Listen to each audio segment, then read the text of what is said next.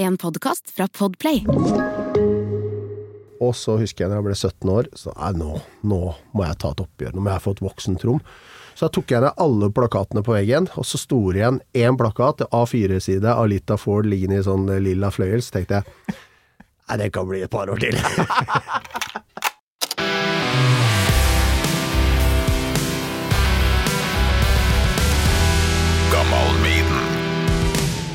Og så er 22 Occasion Avenue.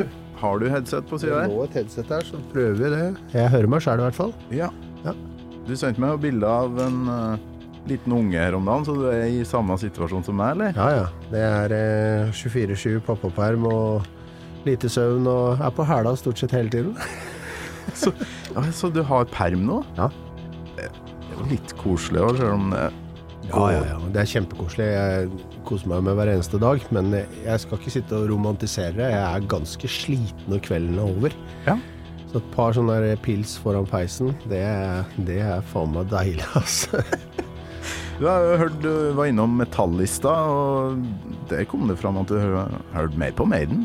Ja, det Ja. er helt riktig. Og ja, jeg har, jeg har noen sjuke kule forhold til Arm Maiden som jeg gleder meg til å fortelle om i dag. Fordi for meg så er Maiden et sånt band som bare Det traff meg som barn, og så har det bare alltid vært der.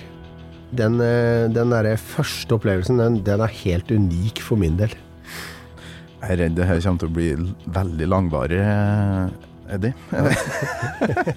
Men vi bare setter i gang, ikke sant?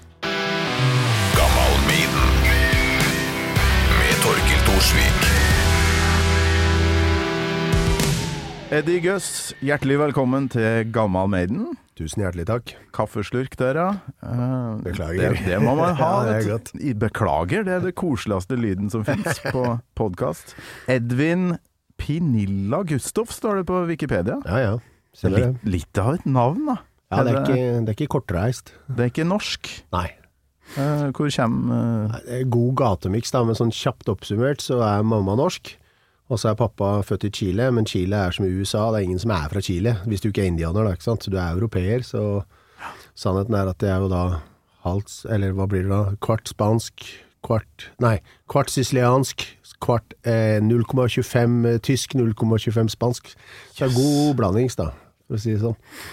Ja, det er sånn eh, temperamentsområde, Ja da, ja da. Har du det i kroppen, du Ja, òg, Ja, absolutt. Full sicilianer.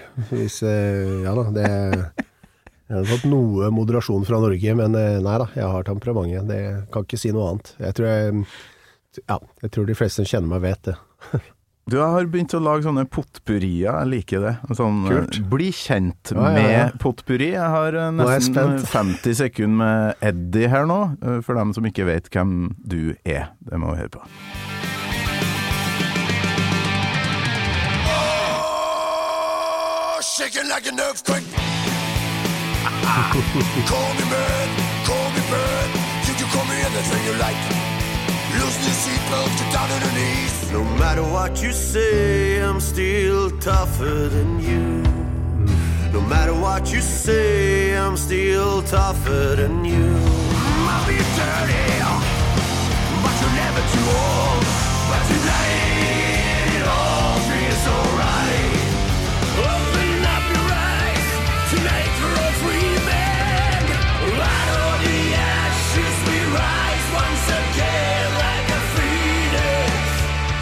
Steike ta! det var mye greier. Ja, gøy å høre i sånn potpourri-sak. Det var veldig morsomt. Jævlig mye testosteron her. Ja. sånn musikalsk sett, men plutselig litt sånn nedpå, litt nyere sånn soloting der. Tougher than you. taxen var jo tøff, da, men, Mm. Ja, ja. men, Eh, men likevel litt mjuk, eller? Ja, Sånn absolutt. egentlig. Sårbart. Ehm, Det er en del av et prosjekt som jeg har jobba med i veldig mange år. Blir jo aldri ferdig med det, fordi at det er sånn ja, er, Jeg klarer å jobbe med det et par måneder i året, og så må jeg legge det bort. Og det er nå, sånn førjulstida. Da får jeg den melankolien, og så begynner jeg å jobbe med dette her. Og den uh, Tougher, Tougher Than You-låta, det er en uh, låt jeg donerte til Veteranforeningen. Den handler egentlig om posttraumatisk stressyndrom, og ja, og det der med å se seg bakover. Men den, den er veldig sånn um, ja, Du kan like godt bruke den for all, mange andre grupper, da. Fordi uansett hvor tøft du er her i livet, så vil det en dag dukke opp noen som er raskere. Ja. Og så får du se deg tilbake i livet og se hva du har opplevd. Men ja. Så det, Wow. ja, så det er en dyp sak med det. Dark Sessions, jeg, jeg skriver på det fortsatt. Nå, akkurat nå så skriver jeg på en låt som heter December Blood Moon. Ok.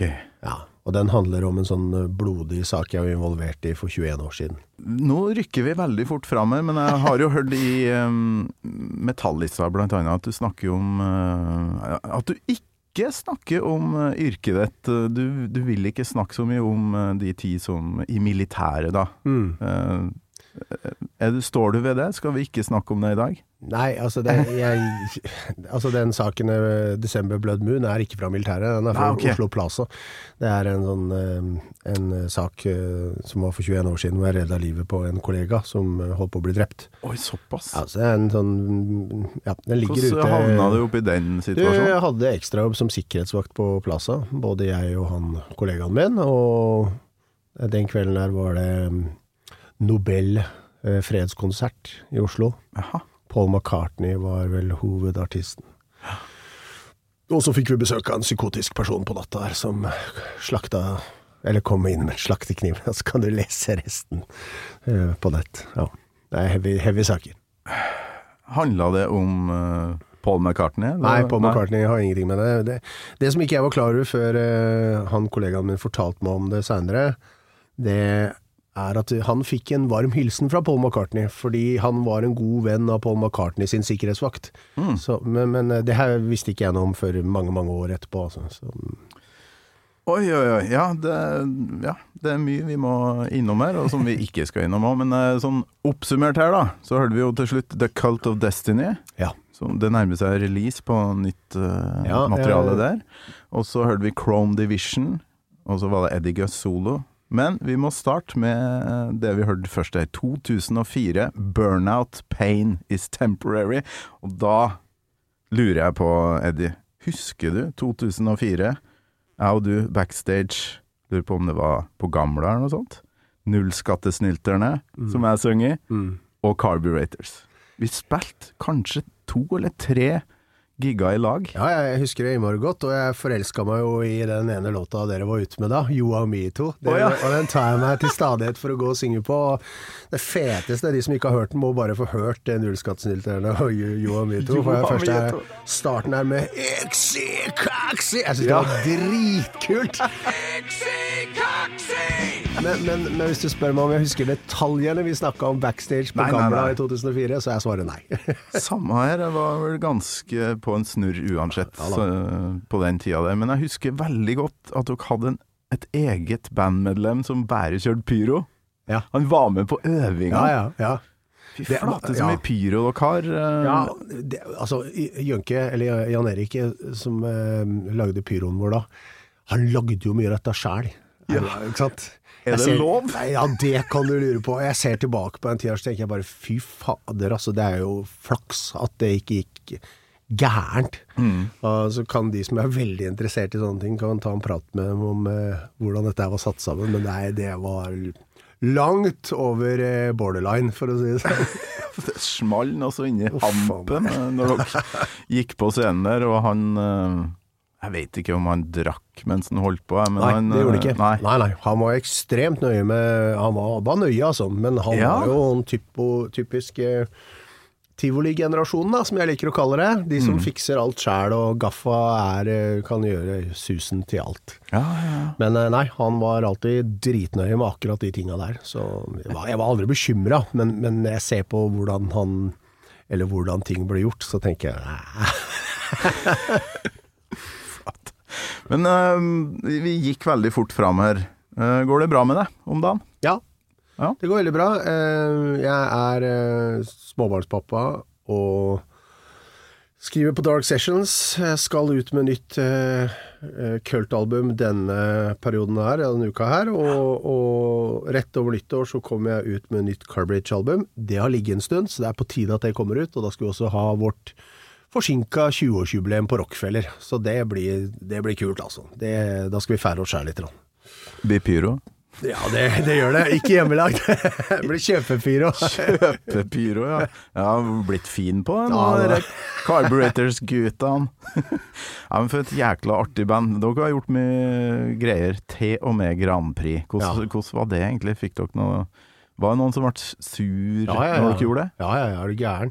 Altså, Er du gæren? Ja, ja, men altså, rockerne er kanskje noen av de største forkjempere for janteloven. Ja.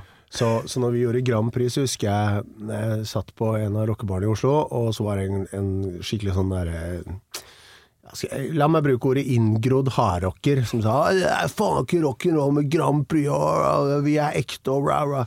Så sier jeg ja, eh, du spiller i band, skjønner jeg? Ja. Kunne du tenke deg å spille Wacken, sier jeg. Ja, sier han. Ja, da må du vite at når du gjør Grand Prix, så spiller du 60 Wacken på tre minutter. Ja. Oh, og så sier jeg at sannheten er det at det, eh, det promoapparatet du får av å være med på en sånn NRK-produksjon, det har du aldri råd til å kjøpe som rockeband. Ferdig. Så hvis du sier nei til det, så, så ok, men da, da sier du nei til veldig mye mer enn det du forstår, da. For la oss si at det er 1,2 millioner som ser programmet ditt. La oss si det er 10 av de som syns du er kult. Ja, da har du solgt ut eh, en god turné, altså. Lærte dere noe av det òg? Sånn, for det er jo showbiz. Det er et Ja. helvetes tidsskjema, og det Ja er mye greier. Det, er, eh, det, er, det jeg sitter igjen med som sånn hovedinntrykk etter Grand Prix, er at uh, vi rockere jobber jævlig mye mer enn alle andre. Vi har aldri blitt servert og blitt uh, papra med så mye som jeg gjorde der. Jeg Vil du ha dit, skal jeg hente en jakt eller bla, bla, bla. bla. Altså, vi er vant til å bære forsterkeren vår halv fire om natta. Ja, ja, ja. Det er sånn det skal ja, være. Ja, ja. Så det, var, det er den største lærdommen av det, at faen, jeg skulle bli popstjerne isteden. Ja, ja, bare få alt i, i hendene. Der var, er kakaoen eh, drukket opp, eller? Nei da, det går fint, det. Du må ta litt kakao, ja. Ja, ja. Ikke kaffe. Er det Nei. for sent på dagen, eller? Nei, nei, er du gæren, men det er bare det at eh, jeg skal funke etterpå. Du, vi skal innom eh, ja, Cult of Destiny, det som skjer der. Vi må innom mer av det eh, yrket ditt og sånt. Men eh, jeg liker å komme i gang litt kjapt med, med nostalgi, da. Ja. Så jeg, jeg har et fast spørsmål. Hvis du har hørt Gammal Maiden før, så har du hørt det. Uh, husker du, Eddie, første gangen du hørte Iron Maiden? Yes! Nei, eh, nå er det sånn, jeg nevnte litt om det også en kollega din. Jeg har jo en eldre bror, Bjørn, eh, som spilte i band på 80-tallet med annet Jimmy fra Red Harvest. Lenge før Jimmy var Red Harvest, for å si det sånn. Da, da hadde de langt hår og het Witchfire og noe, jeg tror det var noe Black Girl. Det var skikkelig 80-tallsgreier, men den var jævlig kul, da. I sebrabukser og sånne ting. Men i 83 jeg tror det er desember 83. Altså, dette med timingserie, jeg har ikke googla, så hvis jeg sier feil, så får nerdene ta meg for det etterpå. I 83 så skjer det en kjempekonsert i Tyskland. Dortmund eh, eh, sånn rockefestivalkonsert. Og de, den kvelden der så spiller da Maiden, Def Leppard, Judas Priest, Ossie Osbourne, Krokus, Quiet Riot, Scorpions, Michael Schenker Group. Er det noen jeg har glemt? Eh, det er sikkert noen har glemt, men i hvert fall, de, de spiller på den, den festivalen. Bare hør den line-upen der. Jeg tror hun Karin Bakås, som har vært innom her, snakka om den festivalen. Ja, det, det er jeg helt sikker på. Det var hun- helt sånn vill Ja. lineup. Ja, og eh, rett over nyttår, hvis jeg ikke husker helt feil, altså jeg tror det er eh, i januar-februar, så sender NRK bruddstykker av den her. Ja. Der er det Arm Maiden, Mm. og jeg ser for første gang eh, Iron Maiden på TV. Yes. Og da finner jeg en av platene til broren min etterpå, eh, og begynner å, å høre på dette her. Og jeg ble helt bergtatt av det. Jeg veit ikke hvorfor det hadde så stor appell til meg som barn, men, men eh, det var et eller annet der. Og det er også det første bandet jeg lærte alle navnene på alle bandmedlemmene med. på. Ah, okay. Ja. Skal vi se om jeg husker det fortsatt. Det er Bruce Dickens, selvfølgelig. Og så er det Nico McBride. Ja.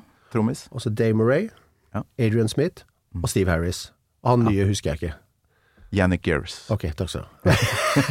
men, men, men altså, det, det, var liksom, det var helt ekstremt. Jeg husker jeg fikk tak i en sånn Arm Maiden-T-skjorte på en second hand store i København. Ok. Og var så glad i den T-skjorta. Jeg tror jeg vaska den til eh, det bare var en eye igjen. Hva slags ja, trøkk var det? Var det bare logoen? Nei, det var ehm, Det var eh, Eddie og Djevelen mercha i ett eh, ansiktsbilde, og så sto det Iron Maiden over. Det var dritkult. Det var ikke noe igjen av den når jeg var ferdig. Coveret på Number of the Beast-singelen, tror jeg det. Det kan stemme. Hvis det er sånn blanda Ja, tryne, ja. det kan stemme. Half and half, på en måte. Men på TV Sendt NRK det greiene? Midt på natta. Jeg, jeg, Ja, så klart. jeg, jeg prøvde å spørre broren min uh, i hvilken forbindelse det ble sendt, for det husker jeg faktisk ikke. Han mente at det kanskje var noe som het nattrock. Ja, det Natt stemmer. til 1. mai, for å unngå at ungdommen skulle gå ut og drive leven. Men, men uh, det husker jeg ikke lenger, altså. Men, uh, og det som var litt kult, da, det fant jeg ut mange år etterpå, at de sekvensene med Eddie, når han kommer ut der, ikke sant, Mm. det var klippet bort på NRK, for det var selvfølgelig sensurert. Så klart. Så, så jeg har sånn der vagt bilde at uh, ene låta starter med at du ser en kar som driver og vasker scenen, Ja. og tørker opp, da, før uh, Ja, det er veldig spesielle greier. NRK. Så det husker du Det er, det er Så første gangen. godt. Ja, det er første gangen, og så begynner jeg å høre på dette her, og Hvor er du hen, og hvor gammel er du? cirka? jeg er, eh, skal vi se, eh, ni år. Jeg fyller ti år eh, det året jeg hører det. Mm. Jeg er på Romsås, der jeg vokste opp. Vi gikk på Tiurleiken skole, både jeg og broren min på barneskolen der oppe. Det er fire år mellom oss. I, I sjette klasse på Tiurleiken skole så fikk hver klasse lov til å velge et album.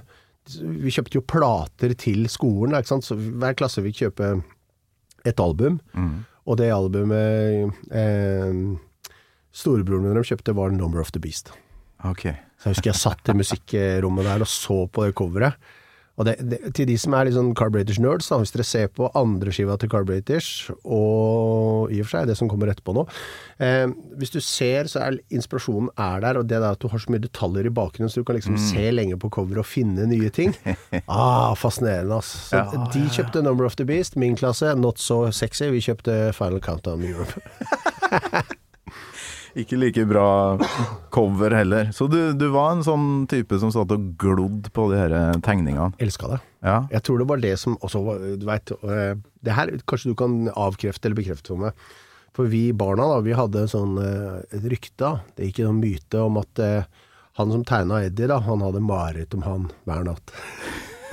Og så er det eh, Logoen hans, eller hans signatur, finner du på alle Eddie-tegningene. Et eller annet sted integrert, da. Dette Ja. satt vi og nøla på, altså. Og hvor mye sant det er i ting, det vet jeg ikke, men det var i hvert fall veldig spennende, husker jeg da.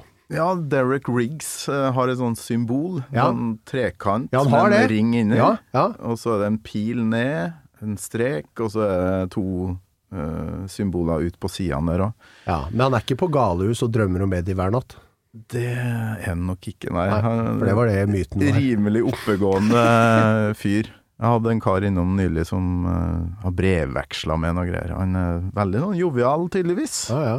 Og ikke gal, nei. Men Og- og eh, flink. burde ha kanskje vært. Nei, Jeg jeg, jeg syns jo Jeg synes det er eh, vi var satt- Bra med de mytene! Ja, jeg ja, elsker og det. deg, vi satt tolv år gamle og så på det og ja, her er det noe, her er det et eller annet. Men greia er at de satt standarden for å lage episke platecover, da. Og eh, selv om jeg vet at eh, en del skiver har blitt skjelt ut i ettertid og sånn av de hardcore Maiden-fansene, men jeg syns jo at tegningen utover når han plutselig Stranger in a Strange Land, når han ble sånn robotic og sånn. Altså, jeg som Mm. var i riktig alder, jeg, for meg så bare fulgte den oppveksten min, da. Den traff veldig Ja. popkulturen i filmverdenen òg, med Terminator og bla, bla, bla. Ja, ja. Altså, det, Kult. nei, det, det er, jeg husker det veldig godt, altså. Det var eh, For å gå tilbake til spørsmålet ditt. Ja, men eh, jeg satt og leta etter de symbolene der. Mm. Og av og til er de veldig godt gjemt, og av og til så er det bare sånn Ja, ah, der er det. Og så, Ja, ja. Og det var derfor derfor det ble litt sånn eh, mytisk, for vi satt der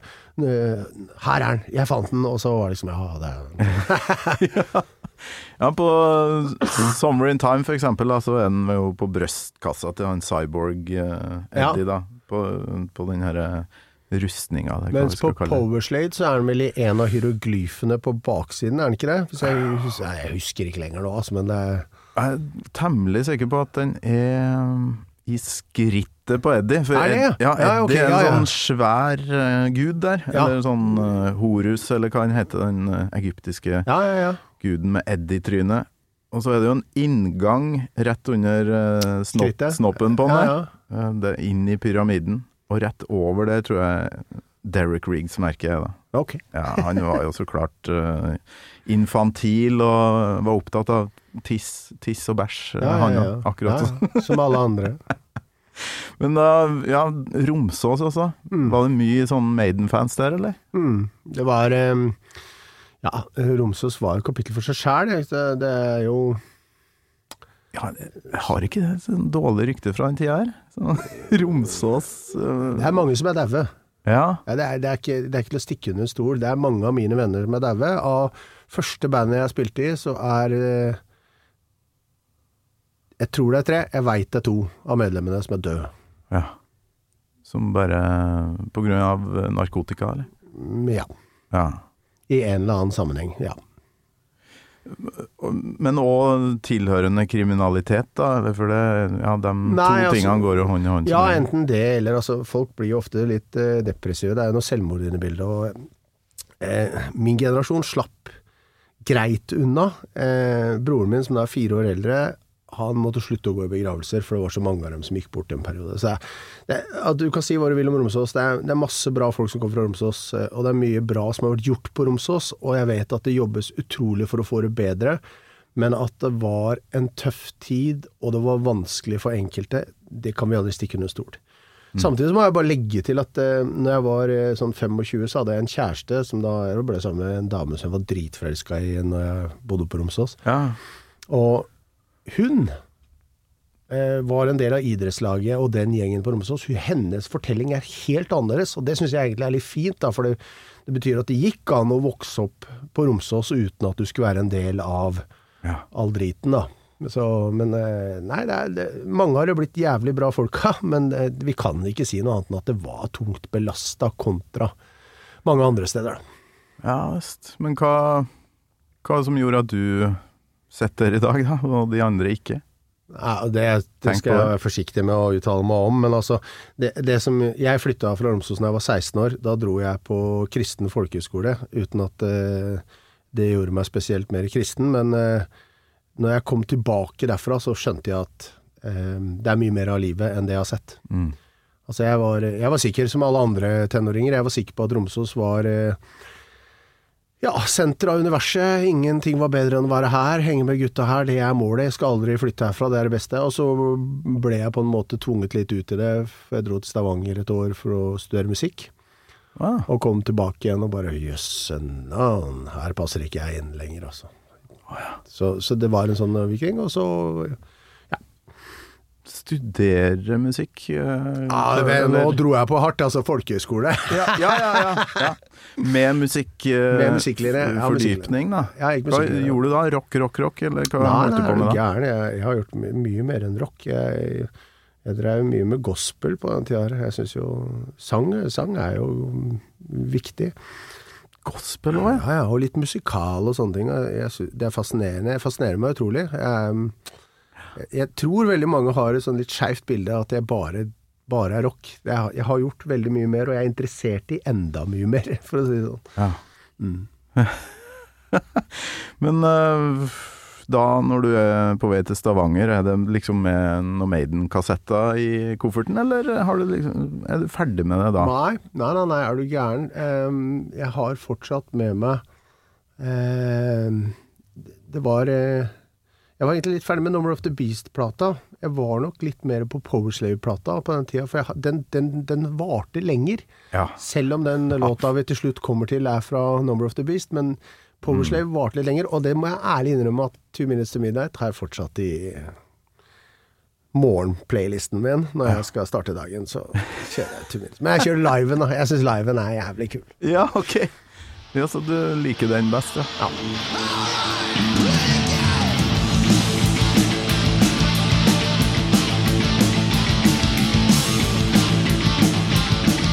Men du, det her er jo gospel. Altså, du overrasker stadig. Den episoden her kan bli lang hvis vi skal finne alle fasettene ved eh, Edvin her. Ja, det, For uh, i, ved første øyekast da, så er du en sånn skikkelig blodtøff fyr. Mm. Carburetors, det er mye biler, det er olje, og det er grease, og det er um, Ja, ikke minst Cult of Destiny og alt det der, men uh, det, det er flere sider ved deg, tydeligvis. Ja, og der må jeg få lov til å legge til en ting. Altså, fordi at, husk at når vi starta Carburetors eh, og skulle slå oss opp på tidlig 2000-tallet, når du spilte i Nullskatte, så var det jo så utrolig mye kule band i Norge. Det var så mye band. Det var så, du vassa i band, så du måtte gjøre et eller annet for å stikke deg ut. Ikke sant? Du hadde liksom Turboneger kjørte denne homorock-pakka si, og ok, hva gjør vi? Jo, vi, vi er tøffere enn toget. Og så skal jeg være ærlig og innrømme at fy faen, jeg skulle ønske vi hadde valgt noe annet. For det der har kommet tilbake og bitt i oss i ræva så mange ganger. Men, men eh, ja, så det er fortsatt folk som snakker til meg som jeg skulle være 25 år eh, gammel, og sulten på livet. Og helt ærlig, jeg er ganske rolig. Og tar heller en klem hvis det er greit. Å, det er jævlig godt å høre. Og så syns jeg, husk, var ikke du med på noen sånn uh, datinggreier? eller Noe sånn TV3-opplegg òg? Altså, for det var For jeg husker jo Edvin fra backstage med Carburetors. Faen, han er, er så jævlig tøff hele tida. Men så så jeg plutselig på TV, og så Å ja. Han, eh, han står og lager mat, eller hva faen du gjorde? grønnsakssuppe. Du husker det, ja? Det var grønnsakssuppe. Ja, men det, det har vært en sånn, eh, en eh, sånn klassiker jeg alltid har lagd. Grønnsakssuppa mi, og jeg er veldig glad i den. og så ble jeg gift, og så prøvde jeg å lage grønnsakssuppe til kona, og så sier hun vi er kjøttetere her i huset, altså. så var det slutt på den grønnsakssuppa. Men det var ikke det programmet du fant kona di, eller? Nei, absolutt ikke. Det er eh, Det programmet Det var utrolig kult å være med på. Det var veldig gøy. Ja, ja, ja. Men uh, Hva heter det igjen? Singel i byen. Nå er bare Google-boksen åpen. TV3, eller? Ja, TV3. Jeg bare kom på det. Vi trenger ikke å snakke så veldig mye mer om det. det er helt greit. Det er For nå, nå skal det handle om musikk, altså. så bra. Det skal handle om uh, ei låt eh, som du har valgt. Og jeg må si jeg ble utrolig glad når jeg fikk den meldinga fra deg. Endelig, tenkte jeg. For Så bra. Det, ja, det er, jo, det er jo mange låter som går igjen. Uh, nei, siste halvåret har vært jækla mye sånn derre Å ja, den, ja! Ja, ja, så kult. Og det er nå òg. Hvilken låt er det? 22 Occasion Avenue. Oh yes, vi må høre eh, starten.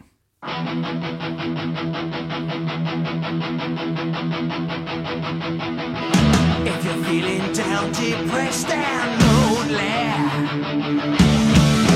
I know a place where we can go. Go. Go!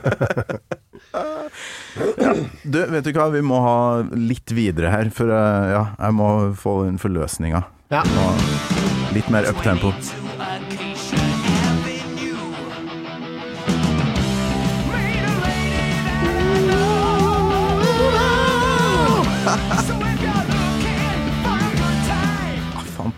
Fantastisk! Hvorfor akkurat den, Eddie? Ja, altså, det er mange grunner til å velge den låta i dag, men jeg har lovt at jeg skulle være ærlig når, når det spørsmålet kom, og eh, refrenget er ekstremt catchy. Og Oh, yes. husk at vi må tilbake igjen til en åtte-ti år gammel gutt. Han eh, hadde akkurat begynt med engelsk på skolen, så teksten skjønte han ikke så mye av, men han skjønte 22. Det fikk han med seg. Så jeg tror nok jeg sang den som noe sånn 22, shabberoo, ja, ikke sant? Men, men, men det, var, så det var nok hovedgrunnen til at den ble en favoritt. Jeg kalte den jo 22 i mange år, før jeg etter hvert skjønte at den het noe mer. Men, men, men, eh, så, så det er catchen i den, og eh, for eh, ikke for å fornærme for mange progrockere her, da, men jeg husker allerede som barn så sa jeg det som er kult med den låta her, at det er jo tre låter i én låt. Ja, ja, ja. I dags. Ja, for den bytter jo. Den bytter jo Masse greier. Ja, ja. Men, men eh, den, den refrenget er ekstremt catchy. Vi skal høre en, en overgang, da, for her eh, Ja, ja. kjører jeg vel over på noe Som du sier, det er tre låter i én, og her er låt nummer to, på sett og vis.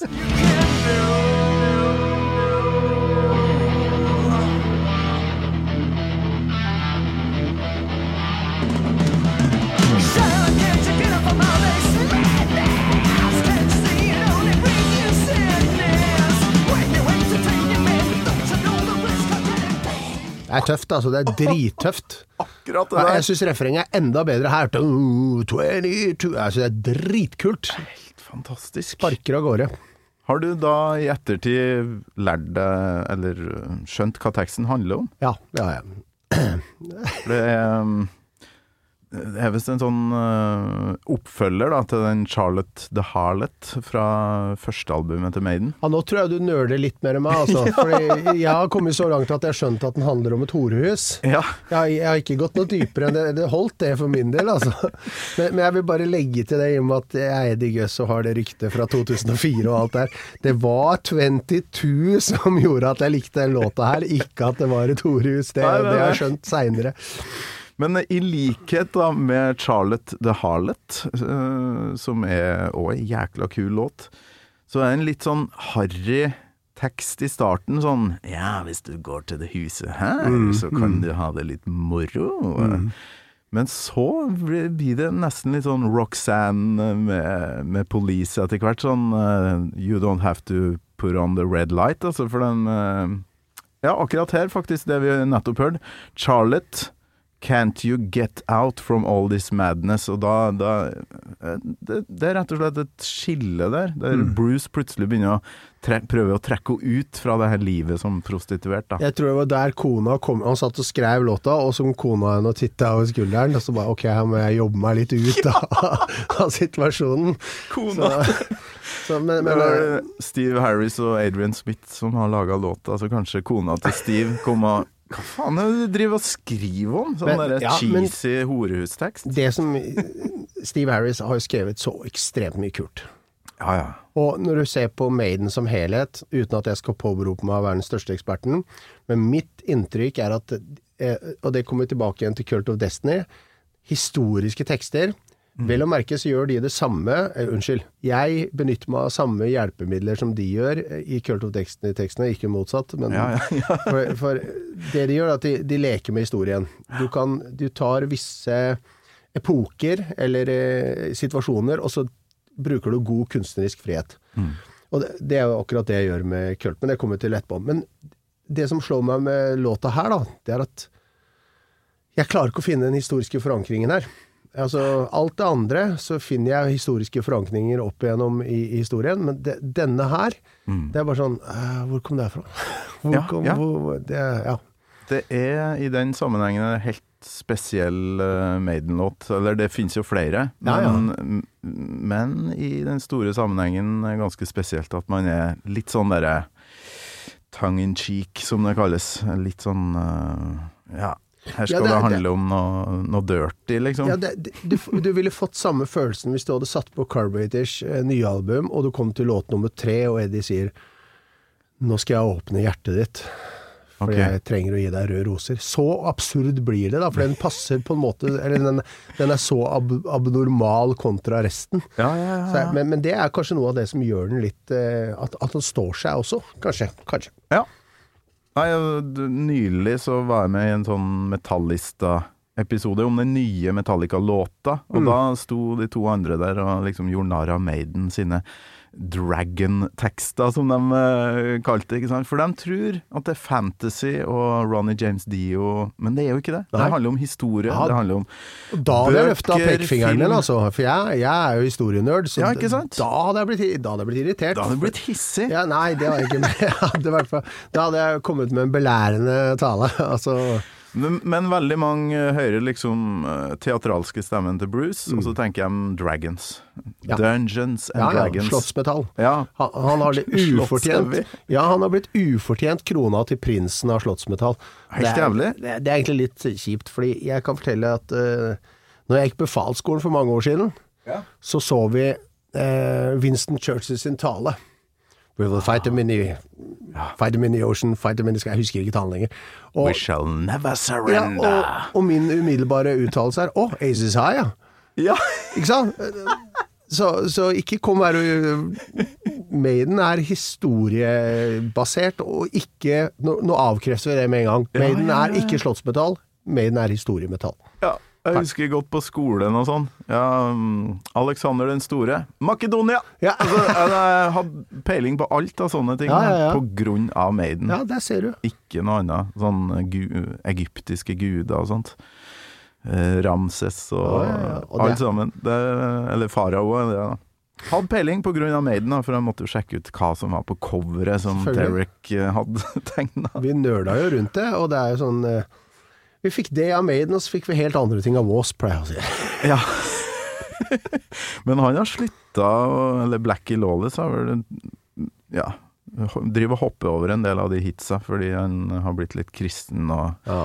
Det skjer det som regel i USA. fuck like a beast Ja, tror jeg ikke blir sunget med like mye patos lenger. Du, den, den singelen der, den uh, fikk vi tak i på EP, samtidig som Bjørn, broren min, hadde fått tak i den japanske utgaven av Easy Sai. Å ja! Den er fett. Det stjal jeg, den har jeg hjemme. den tok jeg fra brutter'n, sorry. Japansk Ja. utgave? Ja, for den er eh, Det er sånn eh, det er, eh, det er jo det der bildet av Eddie som sånn Spitfire-pilot. Ja. Men så er det lagt i sånn Japan-tekst på siden. Uh, Så det er tøft. sikkert eh, samleobjekt av en eller annen slag, men dritkult. Den hadde jeg, og så hadde Ketil Øvrum, som bodde to etasjer over meg i blokka, han hadde fått tak i Fuck Like a Beast. Oh, ja. Hvor det var bilde av den der suspen til Blackie Lawless med sageblad på. Det var helt forferdelig greie, men vi syntes det var så tøft. Ikke? sant? Det var kongekult. Jeg hadde masse Wasp-plakater på rommet uten at jeg noen gang har hørt musikken. Det fikk jeg jo etter hvert da på 90-tallet. Ja, ja. Men eh, plakatene måtte jeg ha, for det var så tøft. Men, Kan jeg, kan eh, jeg fortelle en kjapp historie om plakater mens du er inne på det? Absolutt. Jeg hadde jo da tapetsert rommet mitt på Romsås med OK-plakater. Jeg husker bladet OK, og det var selvfølgelig Maiden Priest. Det var alle de vi hadde sett på Dortmund, i- Dortmund i 83. Eller ikke, jeg var jo ikke der, men som jeg har sett på NRK, da. Ikke sant? ja, ja, ja. Og, og, og litt av Ford. Eh, og, og Joan Jett og alt det greiene var overalt. Og så husker jeg da jeg ble 17 år, så nei, nå, nå må jeg ta et oppgjør. Nå må jeg få et voksent rom. Så da tok jeg ned alle plakatene på veggen, og så sto det igjen én plakat, A4-side av Lita Ford liggende i sånn lilla fløyel. Så tenkte jeg nei, det kan bli et par år til. You're listening to a podcast. I'm Bruce Dickinson. You're not. And you're listening to Gamal Maiden.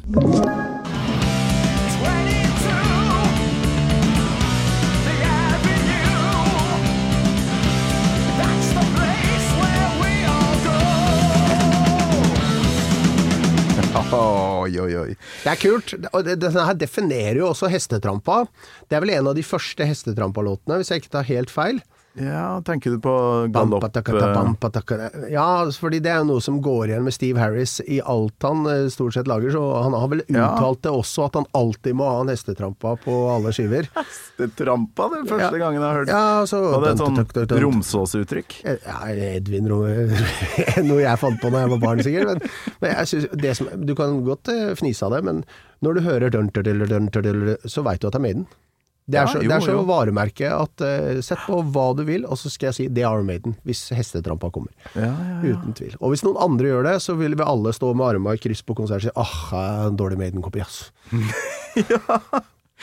Det tenkte jeg på her om dagen. Jeg hørte uh, Muse. Jeg var i Amsterdam og var med noen vinnere på Radio Rock da, som hadde vunnet seg tur til Amsterdam for å se Muse. For, uh, ja, sammen med 1500 mennesker inne i et sånt teater. Og så kommer den der Nights of Sidonia-låta. Så bare, Hvorfor liker jeg den her så jævlig godt? Og så er det jo så klart hestetrampa. Det er jo rett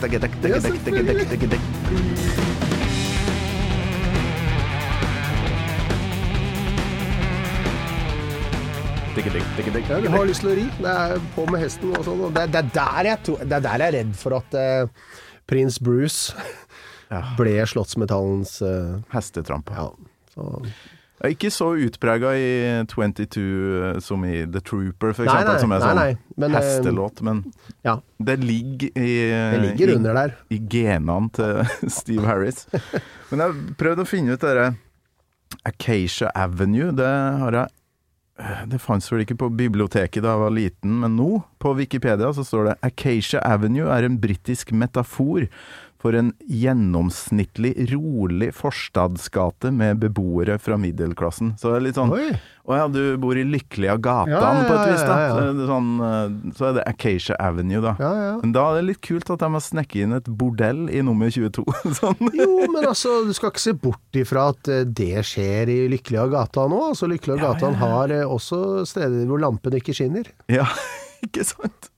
Så da, på grunn av at du skulle komme nå, så lærte jeg noe nytt om Acacia Avenue, da. Og det var visstnok ei, eh, ei undersøkelse på, i Storbritannia i, der de sjekka ut, da, for det finnes jo veldig mange Acacia Avenue i alle byene. Ja, ja. Sjekka ut om, eh, om det stemte, da. At, eh, at Det var bordell der? Nei, at det er, at det er en sånn typisk rolig, kjedelig gate. Det, og det, det stemte. De fant én Én av ti husstander hadde sånn hagenisse, for Ja, ja, ja. Det sier jo litt. Men er det ikke litt sånn som vi har i Norge? da? Vi har Storgata, og så har vi Prinsens gate. Det har vi stort sett i alle byer og forsteder. Så det er vel litt Prinsens gate. Men så skal jeg, jeg skal være første til å innrømme det at eh, når jeg eh, skjønte at den ikke het 22, så trodde jeg den het Occasion. Avenue. Ja, jeg hørte du sa det i stad. Ja, ja. Jeg trodde bare du sa det litt for fort. Nei, nei, det stemmer, for det var sånn jeg oppfatter det. Og det, det fikk jeg til å stemme på den tiden der. Det var, det var ikke noe Google da, vet du. Så da fikk du det du klarte å tolke ut av tekstene når du hørte låtene. Occasion, ja. Ja, for det var horehus, tenkte jeg. Ja, ja, ja. Occasion, ikke sant. Her er det muligheter. Ok. Occasion Avenue, ja.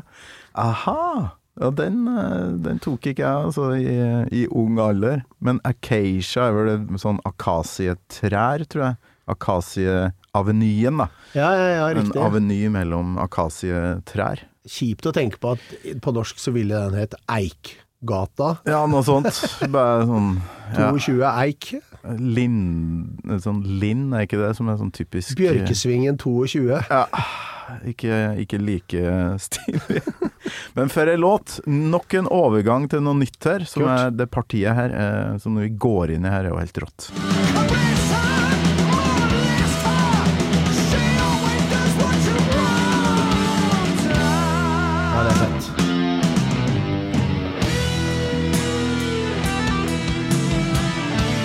Altså, kul solo. Veldig slakt og fint. Dritfett. Helt fantastisk. Det, kan jeg, i, og med at vi snakker om Maiden, eh, og jeg har jo starta dette retro metal-prosjektet mitt, Cult of Destiny. Ja. Vi skal snakke litt mer om det. Ja, jeg kan ta det fra begynnelsen av. Eh, nå, tilbake igjen i den tiden vi, vi hørte dette her, da, så var det jo Vi, var, vi hadde Sky Channel på Romsås. Vi var en av de første som fikk Sky Channel i Oslo, og det har jeg alltid lurt på hvorfor Romsås fikk det, men uansett, vi fikk nå det. Heldig, Og, da. ja, og på Sky Channel så var det et heavy metal hardrock-program som het um, Headbangers Ball. Vent litt. Ja, Headbangers nei, Ball nei, nei, nei, nei. MTV. nei. eh, Monsters of Rock het det. Ja, stemmer. Monsters of Rock het det. Og Monster of Rock, der i samme program så så du Only Lonely med Bon Jovi, og så så du Nightmare med Venom. Så når jeg lagde Cult of Destiny, ok, nå skal jeg lage mitt eh, retro, nå skal jeg dyrke barndommen min. Så i det bandet her så skal jeg ha alt fra Only Lonely til eh, Nightmare med Venom. Jeg kan skrive alt innafor det er parameterne jeg kan jobbe med. Men så skal jeg innrømme at jeg har lagt meg ganske greit i midten med Judas og, og Accept og sånne ting. Men, men uansett, da. En av de tingene jeg virkelig tok med fra Maiden-pakka inn i det konseptet her, det er at jeg har to fantastiske gitarister. Jeg har Kjell Åge Damage Carlsen, og jeg har Chris Marchand. Gitarsoloene på Number of the Beast, hvor eh, Dave Murray starter, og så kommer Adrian Smith inn som solist nummer to. Stemmer ikke det? Jeg roter ikke nå. Det klarer jeg ikke Jo, å jeg er ganske sikker, men, men overgangen der er så soleklar, og du hører så godt signaturen til begge to. Ja. Og det er det jeg utfordra Chris og Kjell på, at det her er det jeg vil ha. Jeg vil, jeg vil ha sånn at du skal høre når han ene slutter og han andre begynner, så jeg vil at de skal dyrke sin særegenhet. Da, for når du får den der kule duosaken, ja det er fett. Og det er Maiden. Ferdig. Det har jeg fra Maiden. Ja. To ganske forskjellige gitarister, ja. Ja, men dessverre, når folk spiller sammen, så, så blir det ofte litt sånn fletta etter hvert. ja. Så, men, men det der å klare å dyrke de, så du hører de klare overgangene, det syns jeg er dritkult. Gitarister med personlighet. Absolutt. Det er ikke så lett å finne, da. Men det har du altså klart i Cult of Destiny. Ja, det ser sånn ut. Men det, der er det jo er det, det med det bandet du kjører Det er full pupp, da. Det, det som er så kult med det, at det er liksom ikke noe øh, Det er ikke noe filter. Det virker som du bare Nå skal jeg faen meg gi blaffen i hva folk sier. Nå skal jeg være øh, 17 år gamle Eddie som ideen. ikke river ned Lita Ford-plakaten. Nei, Lita Ford henger på backstagen. Nei, altså det er full kappe, det er vindmaskin, jeg har et septer jeg vandrer fram og tilbake med som jeg har festa en slange på. Den slangen den kjøpte jeg på en lekebutikk, det var et jævla helvete å få tak i, fordi tydeligvis det ikke jeg var klar over, at alle som har hus og hage, kjøper sånne gummislanger for å skremme bort eh, snegler og dritt. Ja, så, Så det er ut, var utsolgt nesten overalt for å få tak i en jævlig gummislange. Jeg var gjennom ti lekebrikker før jeg fikk tak i en lang nok gummislange til å ha på den septeret mitt. Da. Okay. Så da liksom, eh, det er jævlig kult når vi går på scenen. Da har vi bare gjort det to ganger, da. Og dette blir tredje konserten vi gjør på John D. eh, 16. desember. Men det er jævlig kult, for folk ser liksom Og vi begynner, og det er grasiøs åpning og god stemning, ikke sant. Og når første refrenget Og jeg kommer ut i kappe, og folk bare Jøss, hva er dette for noe? Ikke sant? Og første refrenget kommer, og jeg fyrer opp lyskastere av vindmaskinen, og den kappa står opp. Da skal du se at jeg ser så mye sånne 40 år gamle glis, og da blir jeg så glad i hjertet mitt, for da veit jeg at nå traff jeg. Nå har jeg truffet gutten deres, eller jenta deres. Det er liksom bare sånn Wow, da har vi, da har vi gjort det. Ja. oh, ja, for det er Det er ikke så mye sånt å se lenger, Nei. rett og slett. jeg, jeg sier det, hvis det er noen som har lyst til å investere. jeg har en drøm om å sette opp Curl to Destiny en gang på Rockefeller, fordi Rockefeller er den ultimate scenen. Ikke noe større, ikke noe mindre. Altså Rockefeller-størrelsen. Det har noe med at jeg har sett Motorhead på Rockefeller i sin tid, og jeg kommer aldri til å glemme det. Jeg så aldri Motorhead live i Norge etter det. Jeg har delt scenen med dem på noen festivaler etter det, men Rockefeller er det ultimate formatet i mitt hode, da. Så er jeg sikkert veldig mange som er uenig i det, men, men, men uh, i hvert fall, da. Og det der med å ha heis på scenen Fy faen, jeg husker vi spilte med Judas Priest, da var jeg med Carburetors, spilte vi i Bratislava. Og da hadde Rob Halford sånn heis, så han kom opp. Det var dritfett. Ah, ja, ja, ja. Hvorfor, hvorfor har... Er det mulig å gjøre på Rockefeller? Nei, jo det er mulig, men du må bygge litt. Vi har bygd mye kult på Rockefeller med Carbridge opp gjennom tida, skjønner du. Så. Men jeg har, en sånn, jeg har en sånn drøm, og nå er jo ikke Cult of Destiny så populært, det er ikke så mange som kjenner til det. Så, så Ennå det, i hvert fall. Ennå i hvert fall. Men, men greia er nå det at hvis jeg hadde fått en gang gjort det, skulle slått meg til ro med det. Altså bare fått eh, åpninger under trommeplattinger. Å, gud bedre. Jeg elsker de greiene der, altså. Og det, det er sånn eh, Tilbake igjen til Iron Maiden, da. Når du ser sceneshowet til Iron Maiden eh, som barn, så blir du bergtatt, fordi det er like mye teater som det er rock. Ikke sant? Eh, Kiss hadde mye det samme, men Kiss har liksom Det er litt mer humor i Kiss. Var du Kiss-fan, eller? ja, jeg er fortsatt Kiss-fan, men, men ikke for å fornærme noen. Men jeg føler liksom at der er det litt mer amerikansk. Da. Det er litt mer sånn woo, yeah, yeah? Mens Maiden, der er bare Vi mener det her! Nå kommer Eddie opp her, og, og det er bare sånn det, det, Ja, det står seg. Ja, den tunga i, eh, i kinnet, tongue in cheek-greia som Kiss har, den mangler hos Maiden. Og det er jo jævlig bra. Ja. Det, de smiler innimellom, men det er ikke Ja, Det er fordi de har det artig. Ja, og så har det liksom kommet sånn eh, Det gjør vi i, Kult, og bare så det er sagt. Altså, det er veldig stor dose selvironi. Som jeg sier til gutta, vi skal gå langt ut. Vi skal ikke gå full, eh, vi skal ikke gå full eh, Steel Panther, men vi skal nærme oss. Det skal være lov å ha det moro med det her, ikke sant. For det er, det er ikke veldig seriøst. Selv om musikken er dritseriøs. Det er alle tekstene mine. Første albumet. Alt er bibelsk historie fra Armageddon. Andre skiva som kommer ut i morgen, faktisk, eh, etter den podkasten her har kommet ut. Eh, eller unnskyld, før den podkasten her kommer ut. Eh, der har vi flytta oss til middelalderen. Mm. Da snakker vi om opprøret mot kirka og de geistlige og så, ja. Og tredjeskiva som jeg har ferdig skrevet og ligger i skuffen, den heter da selvfølgelig Revolution. Hvor vi tar for oss neste skritt i historien. Så det, det er gøy, altså. Historie er bra.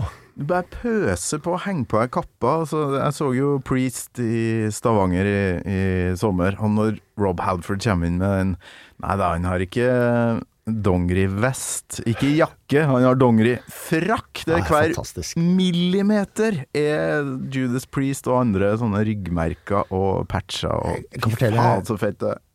Rob Halford eh, backstage jeg, i Bratislava. Det er eneste gangen jeg har møtt den. Eh, da kommer han inn som en eh, herremann fra England.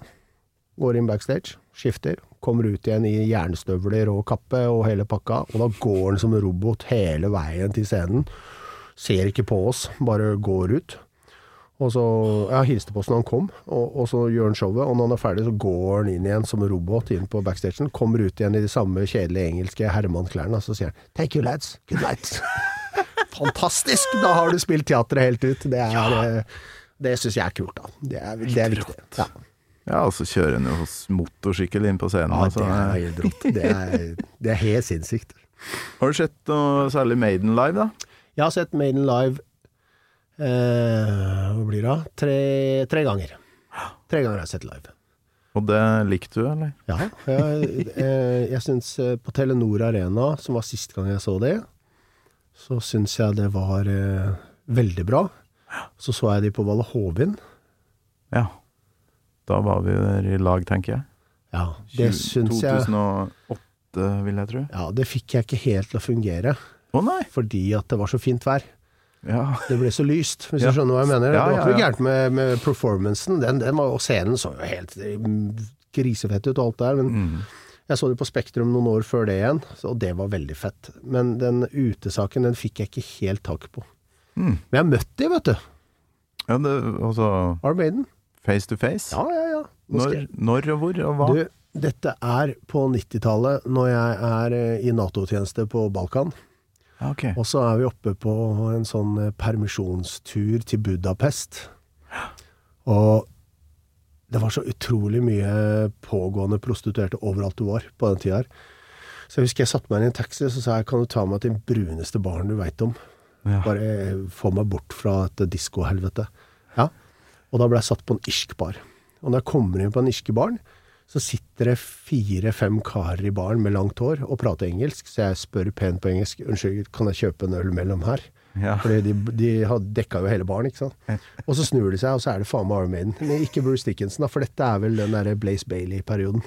Tror jeg. 90 Når sa du? Eh, 98 eller 99, jeg husker ikke. Jeg var der et år, så jeg husker ikke akkurat. om Ja, men det, Dickinson kom jo inn igjen i 99, da. Og, Ja, da må det ha vært i ja, Ja, Men dette var jo rett før, kanskje? Ja, rett før. I hvert fall så jeg, Uten at jeg kjenner dem, og uten at jeg er noen eh, psykolog eller uh, orakel Men jeg husker grunnen til at jeg tror det var Blaze Bailey, det var at det var en litt yngre fyr som satt og prata noe jævlig, og jeg oppfatta de andre som litt sånn. Kan du holde kjeft, liksom? Jeg, jeg husker jeg fikk signert eh, noen barlapper alle sammen, så jeg hadde, har de et eller annet sted. Så jeg har autografen deres. Men, men, men i hvert fall, da. Det er den gangen jeg møtte Iron Maiden. Så det var veldig morsomt. Altså, de var opptatt med å høre på han derre jyplingen, så du fikk ikke prata med han, eller? Nei, jeg, jeg har liksom det, det har jeg faktisk fortsatt, selv om jeg har turnert og møtt veldig mye av heltene mine. Så har jeg, jeg har litt sånn vegringer med å være «Øh, øh, Hei, hei, hei. Jeg, Ja, jeg, ja. jeg syns det er hyggelig å si tusen takk for konserten og well done og love your shit og alt det der, men, men noe særlig mer enn det, da føler jeg at jeg blir litt klein. Og jeg, jeg er klein nok som jeg Fantastisk. Hvor, hvilken by var det, sa du? eh, Dette var i Budapest. Budapest, ja.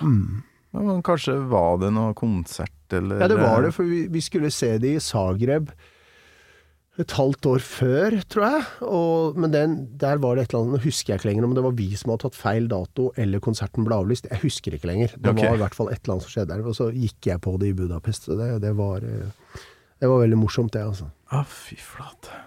Ah, ai. Jeg har eh, avslutninga på Acacia.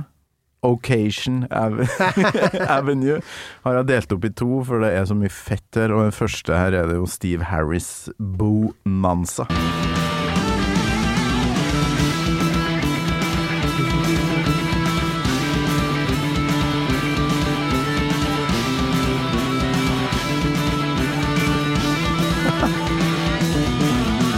Ah, herlig. Ja, akkurat den der. Men, men det jeg tenker her da, når du hører den eh, bassinga hans, så tenker jeg at hvis man skulle bygge en, eh, en, eh, en bro fra 70-tallet og inn i 80-tallet, så kan det ikke gjøres mer perfekt enn det her. For hvis du går tilbake til Purple på 70-tallet og, alt det, så er det veldig mye svevende, veldig mye my, mye musikk i, i hver låt.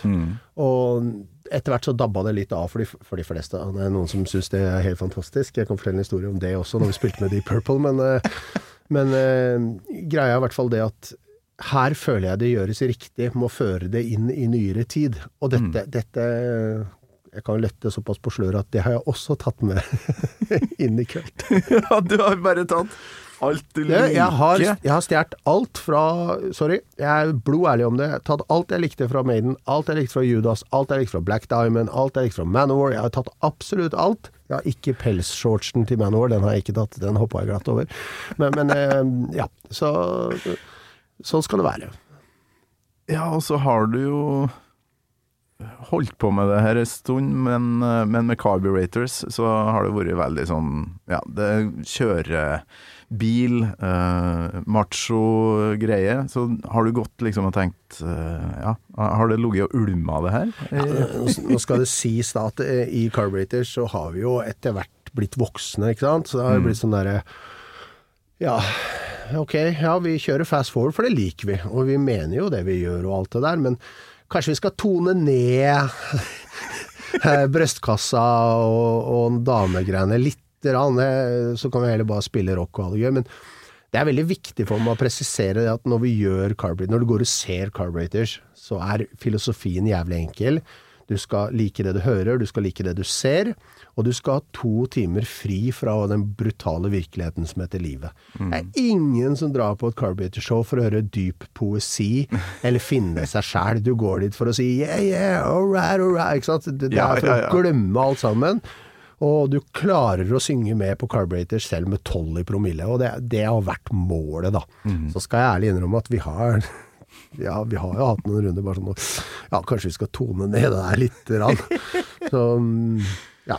Men du har jo et utseende, kanskje på grunn av eh, opphavet ditt, Absolutt. eh, som med de øyebrynene, Ja, ja. og når du når du synger og tar i litt, så ser du jævlig sinna ut. Ja, det ser ut som en eh, ser som, jeg Okse? pleier, ja, jeg, pleier- ja, jeg pleier å si at det ser ut som en leiemorder fra Balkan. Men, men, men og, og jeg kunne sikkert gjort en filmkarriere på det, men, men det er nå det utseendet jeg har, da. Og, Ja, ja, ja. Så, så, og, og det er sånn det, det, det jakter meg, eller sånn, hva er det norske ordet for det? Det hjemsøker meg litt i jobben òg, for jeg må liksom være overdrevent hyggelig med mennesker, for folk ser meg og bare tenker 'å, fy faen, han der ser ikke veldig hyggelig ut'. Altså, så bare 'hallo, folkens'. brutal fyr. Ja, men altså, jeg er egentlig ikke det. Hva Jeg- er jobben din akkurat nå? Nei, nå er jeg sjef for musikkorps. For korps? Ja, ja. Jeg Oi. er sjef for Forsvarets stabsmusikk. Jøsses. Så du er fremdeles i Forsvaret? Ja, ja. ja, men nå er jeg jo ferdig med alt det som har med det du forbinder med Forsvaret å gjøre. Ja, ja, ja. Jeg har tona det, jeg har lagt det bort, eller lagt det bak meg, eller gjort det ferdig. Så nå Den herre Eddie Løken har fått enda et lag. Nei, men altså Stabskorps, ja. Ja, jeg, jeg var, eh, jeg var eh, det man kaller operativ i mange år, og så blir man ferdig med det, og kjenner at eh, man har gjort det, og så har man lyst til å gjøre litt andre ting. Og så det er greit. Nå- Men da går det an å få seg en jobb innafor samme, bare som ikke handler om det du har gjort før, da. Ja. Tydeligvis. Ja, ja, ja. Og, og det er veldig Det er kanskje, hvis du skal snakke litt om Forsvaret, uten at jeg har lyst til å snakke så altfor mye om det, men Vi trenger ikke å gå i detalj Nei, her, men, men jeg har jo skjønt at det er Du har opplevd ting, og du er opptatt av psykisk helse og, du, og de tinga i Ja. etterkant. Ja. Og en ting som er fint med det, er at det er, det er, et, det er en så stor organisasjon at du kan, du kan variere ganske mye hva du, hva du driver med, da. Mm. Det er ikke alle som eh, er i en skarpe enn hele tiden. Så det er fint. Men eh, det med psykisk helse er jeg veldig opptatt av. Og eh, jeg skrev jo bacheloroppgaven min om Libanon-veteranene. De første, fra 78 til 88, og hvorfor det gikk så mye dårligere med de enn mange andre veteraner. Da. Og Mm. jeg gjør noen, eh, jeg gjør noen funn der. Noe, noe er opplest og vedtatt fra før, eh, som egentlig bare er opprams. Eh, men det, det som jeg prøver å legge litt vekt på, da, og som kanskje gjør det aktuelt i dag, det er at jeg tar for meg popkulturen Mm. eh, på slutten av 70-tallet og 80-tallet. Det, det var ikke veldig lett for menn på den tiden å si 'jeg har et problem'. Nei, fy faen. Ikke sant? Det, det, det var en, en annen tid, og det skal man passe seg litt for i dag. Og grunnen til at det er litt viktig i dag, det er at i dag så er vi kanskje litt på den andre siden av skalaen. Alle har jo problemer i dag. Ja. Og så prøver jeg å si at det er ikke sikkert at det er problemer. De som har problemer må for guds skyld få hjelp, men noen må også fortelle folk etter hvert at dette er livet. livet. Livet er ikke så veldig kult alltid. Livet har utfordringer. Ja, alle har mørke dager. Du er ikke deprimert fordi du har mørke dager. Alle sliter litt av og til. Det er livet. Jævlig bra at du sier, men eh, det er skummelt å si det òg, for du får fort sånn derre ja, men, eh, eh, Ja, jeg skal jeg må jo få lov å ha Ja, angsten min. og Jeg skal ikke utfordre noen på det. Jeg bare sier at for din egen mentale helse sin skyld, så vær klar over at du er ikke aleine, og det er ikke sikkert at det er en psykisk sykdom. Det kan faktisk bare være livet. Mm. Det er ikke så mye motstand eh, hos enkelte, da. Sånn at man tror at når det kommer en oppoverbakke, så, så er det en diagnose av noe slag. Ja, og jeg, jeg blir jo rimelig pissed på min egen generasjon, da, for det er jo de som er foreldre i dag. Og du kan aldri skylde det på barna. Aldri skylde på barna, du kan aldri skylde det på ungdommen. Du kan godt sitte og si at ja, vi var mye bedre, ble, ble, ble, ble. Men sannheten er at den ungdommen du ser i dag, den er lagd av foreldra deres. Og de foreldra, de er like gamle som meg. Så det, det, det er der det ligger. Å, nå ble vi jævlig dype! Nei, men våres eh, Jeg vet ikke om du hadde en far som var til stede og sånn, men Jo da. eh, foreldregenerasjonen vår eh, hadde jo vokst opp med iskalde arbeidshester som Ja. ikke skulle vise følelser når ja. de var hjemme. Ja. Og så var ble våre eh, foreldre litt bedre Ja. på kanskje Det skein gjennom en litt følelser i ny og ne. Det var ikke mye, altså, men eh, litt innimellom. Og så har vi tenkt at Vi skal sånn, gjøre det. sånn Ja. vil ikke jeg være! Nei, vi skal være proffe, vi. Oi, oi, oi, nå skal jeg vise dem, ja. Pappa skal grine, og pappa skal vise og, og så blir det kanskje litt vel. Ja. Litt som er mye, sånn- Som jeg pleier å si, da, at uh, når jeg var liten, så gikk jeg til fotballtrening. Ja. Hvor langt var det til banen? Eh, Altså, Cirka to kilometer. ja, altså og så- ganske dårlig vær innimellom òg. Nå er det sånn Skal på trening, eh, pappa, kom og kjør. Mm. Bare, Du klarer å gå opp dit. Hæ?! Gå?! Ja, men uh, han, han blir jo kjørt, han Ja, blir jo kjørt. Men bare smak på den eh, til alle på min alder som har barn. Eh, Når vi var små, så gikk vi til fotballtrening. Ja. Må ikke si noe mer enn det. Jeg fikk ikke skyss til noen ting som helst. Det var spark, sykkel eller uh, å gå, da. Ja. Men bachelor, altså. Så det, det, du har studert det her Ja da, nei, jeg tok en bachelor i historie, nei, men eh, jeg ville skrive den veteranoppgaven i et historisk perspektiv. Det var derfor jeg vinkla den inn mot kulturhistorien i den, den spesifikke perioden. Ja, ja, ja. Eh, og det var mest fordi at eh, det var noe som interesserte meg, og det var litt lettere enn å, å gjøre dypdykk i et historisk perspektiv. For det en ting du begynner å skjønne når du studerer historie, det er at folk er jo ikke interessert i historien. De er jo interessert i metodene du bruker for å fortelle om historien, noe som gjør meg forbanna. Da. Fordi når jeg leser historie, så er jeg ikke på jeg er ikke på å lære om eh, professor Drøvels eh, fremstillingsmetode av andre akt. Jeg er på å vite hva var som egentlig skjedde. Hvorfor ble den situasjonen som den blei. Det mener jeg er historie. Så har jeg, lagt, så har jeg sagt det. Ah, nei, men jeg hadde jo delt uh, avslutninga Ja. i to. Her kommer uh, avslutninga, og den er jo like nydelig.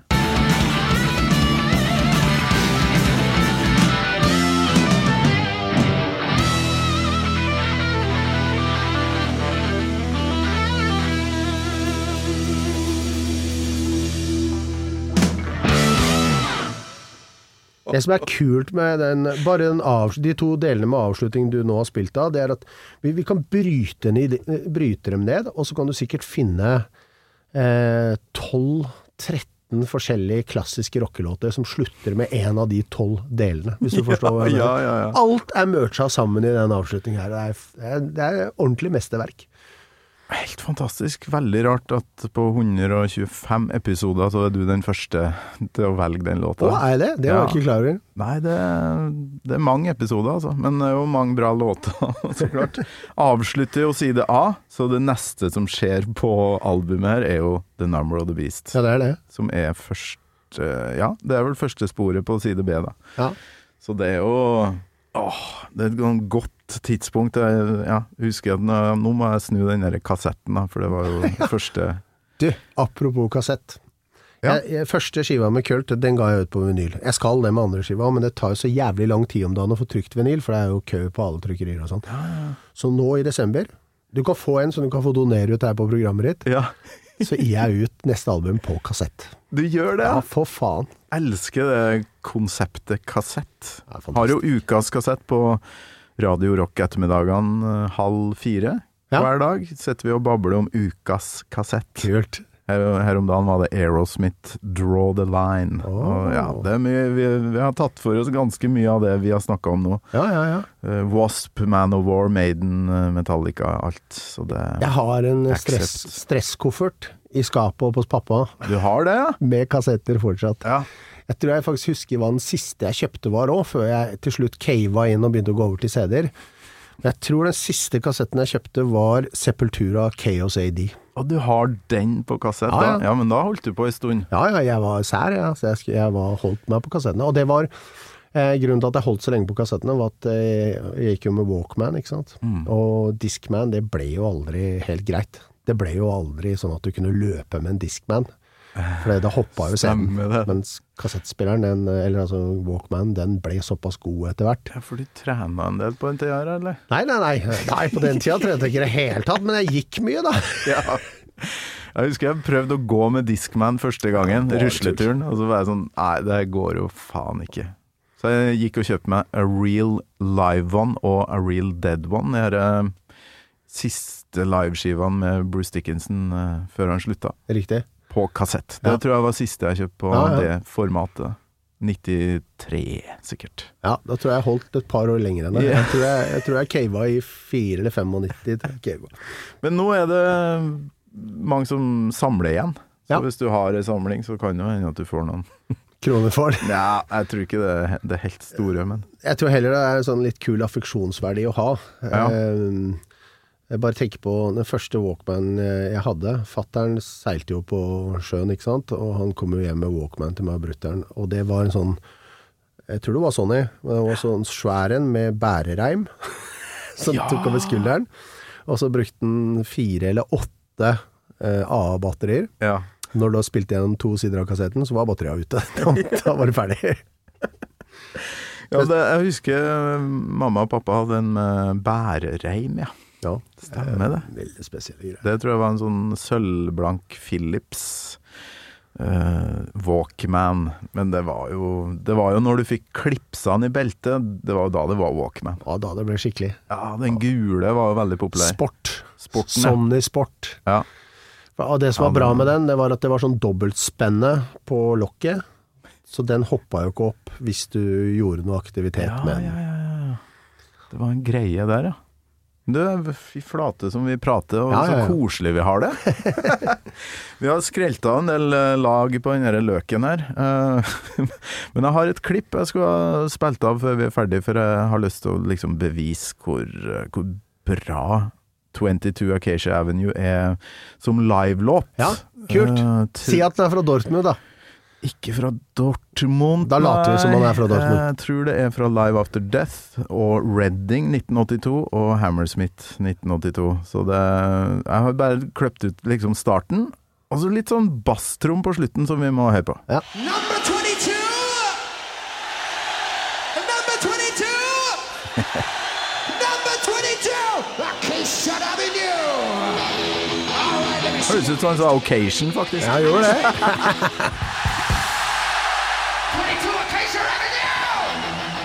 Redding Festival. It's så the 22 Acacia Avenue! Hør på det her nå. Basstromma.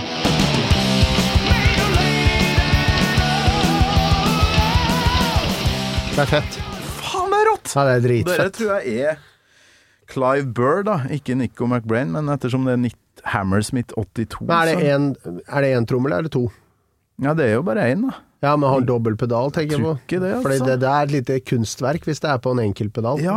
Nico McBrain er jo helt rå på det. Ja, ja, ja. At Clive Burr òg hadde den derre dobbel blapp. Ja. Den muligheten til å gjøre det, det visste jeg ikke. For det er fra Beast Over Hammersmith, som nå er ut på, på vinyl, da, på en 40-års uh, jubileumsutgaven til Number of the Beast. Det var veldig mye basstrom i miksen her. Jeg skjønner ikke Ja, men eh, fantastisk eh, hvordan han spiller der. Ja, det er dritfett. Det, er, eh, det, det viser liksom sånn derre det, det viser litt av genialiteten bak ting. Fordi det er ikke alle som kan gjøre det. Jo, alle kan spille låta, men å få med alle detaljene, det er et lite kunststykke, altså. Åh, nei, jeg koser meg veldig. De kan du ta oss gjennom hva skjer nå med bandene dine, og ja, før jul i hvert fall, da. Ja. Og, og kanskje litt på nyåret, og så Ja. må vi si ha det bra. Vi kan oppsummere veldig kjapt. Eh, først som skjer er eh, fredag 16. desember har releaseparty på John D med Cult of Destiny. Er du glad i Maiden, så kom og se det. Jeg gir deg ikke Maiden, men jeg gir deg noen gode minner. Blir det kappe og septer? Det blir kappe, septer og vindmaskin. Garantert. Yes! Eh, så tar vi juleferie, og på nyåret så kjører vi i gang med Carburetors. 20-årsjubileum, nytt album som slippes eh, på nyåret, og releaseparty på Rockefeller jubileumsfest 20. januar. Og så kjører vi på utover der. Eh, hvis jeg skal lette på sløret, så har vi allerede begynt å skrive på neste Chrome Division-album, men det har vi sagt at tidligst 2024, så det er ikke noe stress. Fy faen, så bra. Masse Jeg må, greier. jeg, må, jeg må legge inn siste ting. Ja. Faen, det har jeg nesten glemt. Jeg slipper jo julesang i år, vet du. Nei! Nå, Ja, nå det- er vi innerst i løken Ja, ja, men det, det, er, altså, det er Dark Session-greiene, så det er ikke, ikke forvent dere Last Christmas eller noe Very Jolly Jolly. Det blir jævlig mørkt, men det blir en julesang. Det blir det. Det er deilig med litt mørke julesanger, da, for det, det er tid på året der det faktisk ikke bare bling-bling og Tid for jingle bells. refleksjon, vet du. Ja. Ny start, og legge året bak seg, osv., osv. Det er godt av og til, det. Det får vi snakke om neste gang. Ja. Det, det blir sikkert flere, og så kan jeg på jubileet deres komme og synge Joha Mieto. Ja, det har vært fett. På Support Torkil og Nullskatte. Ei, ei låt. Joha Mieto, du var skikkelig god. Det er jævlig bra rim òg. Tusen takk for besøket, Eddie. Tusen takk for at du ville ha meg her. Veldig hyggelig. Gammal Maiden med Torkel Thorsvik. En podkast fra Radio Rock.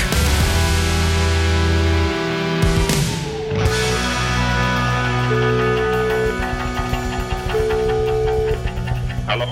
Hei, täällä Juha Mieto, terve.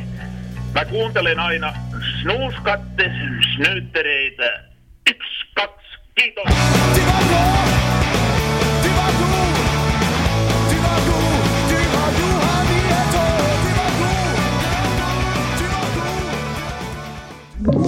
Du har hørt en podcast fra Podplay. En enklere måte å høre podcast på. Last ned appen Podplay, eller se podplay.no.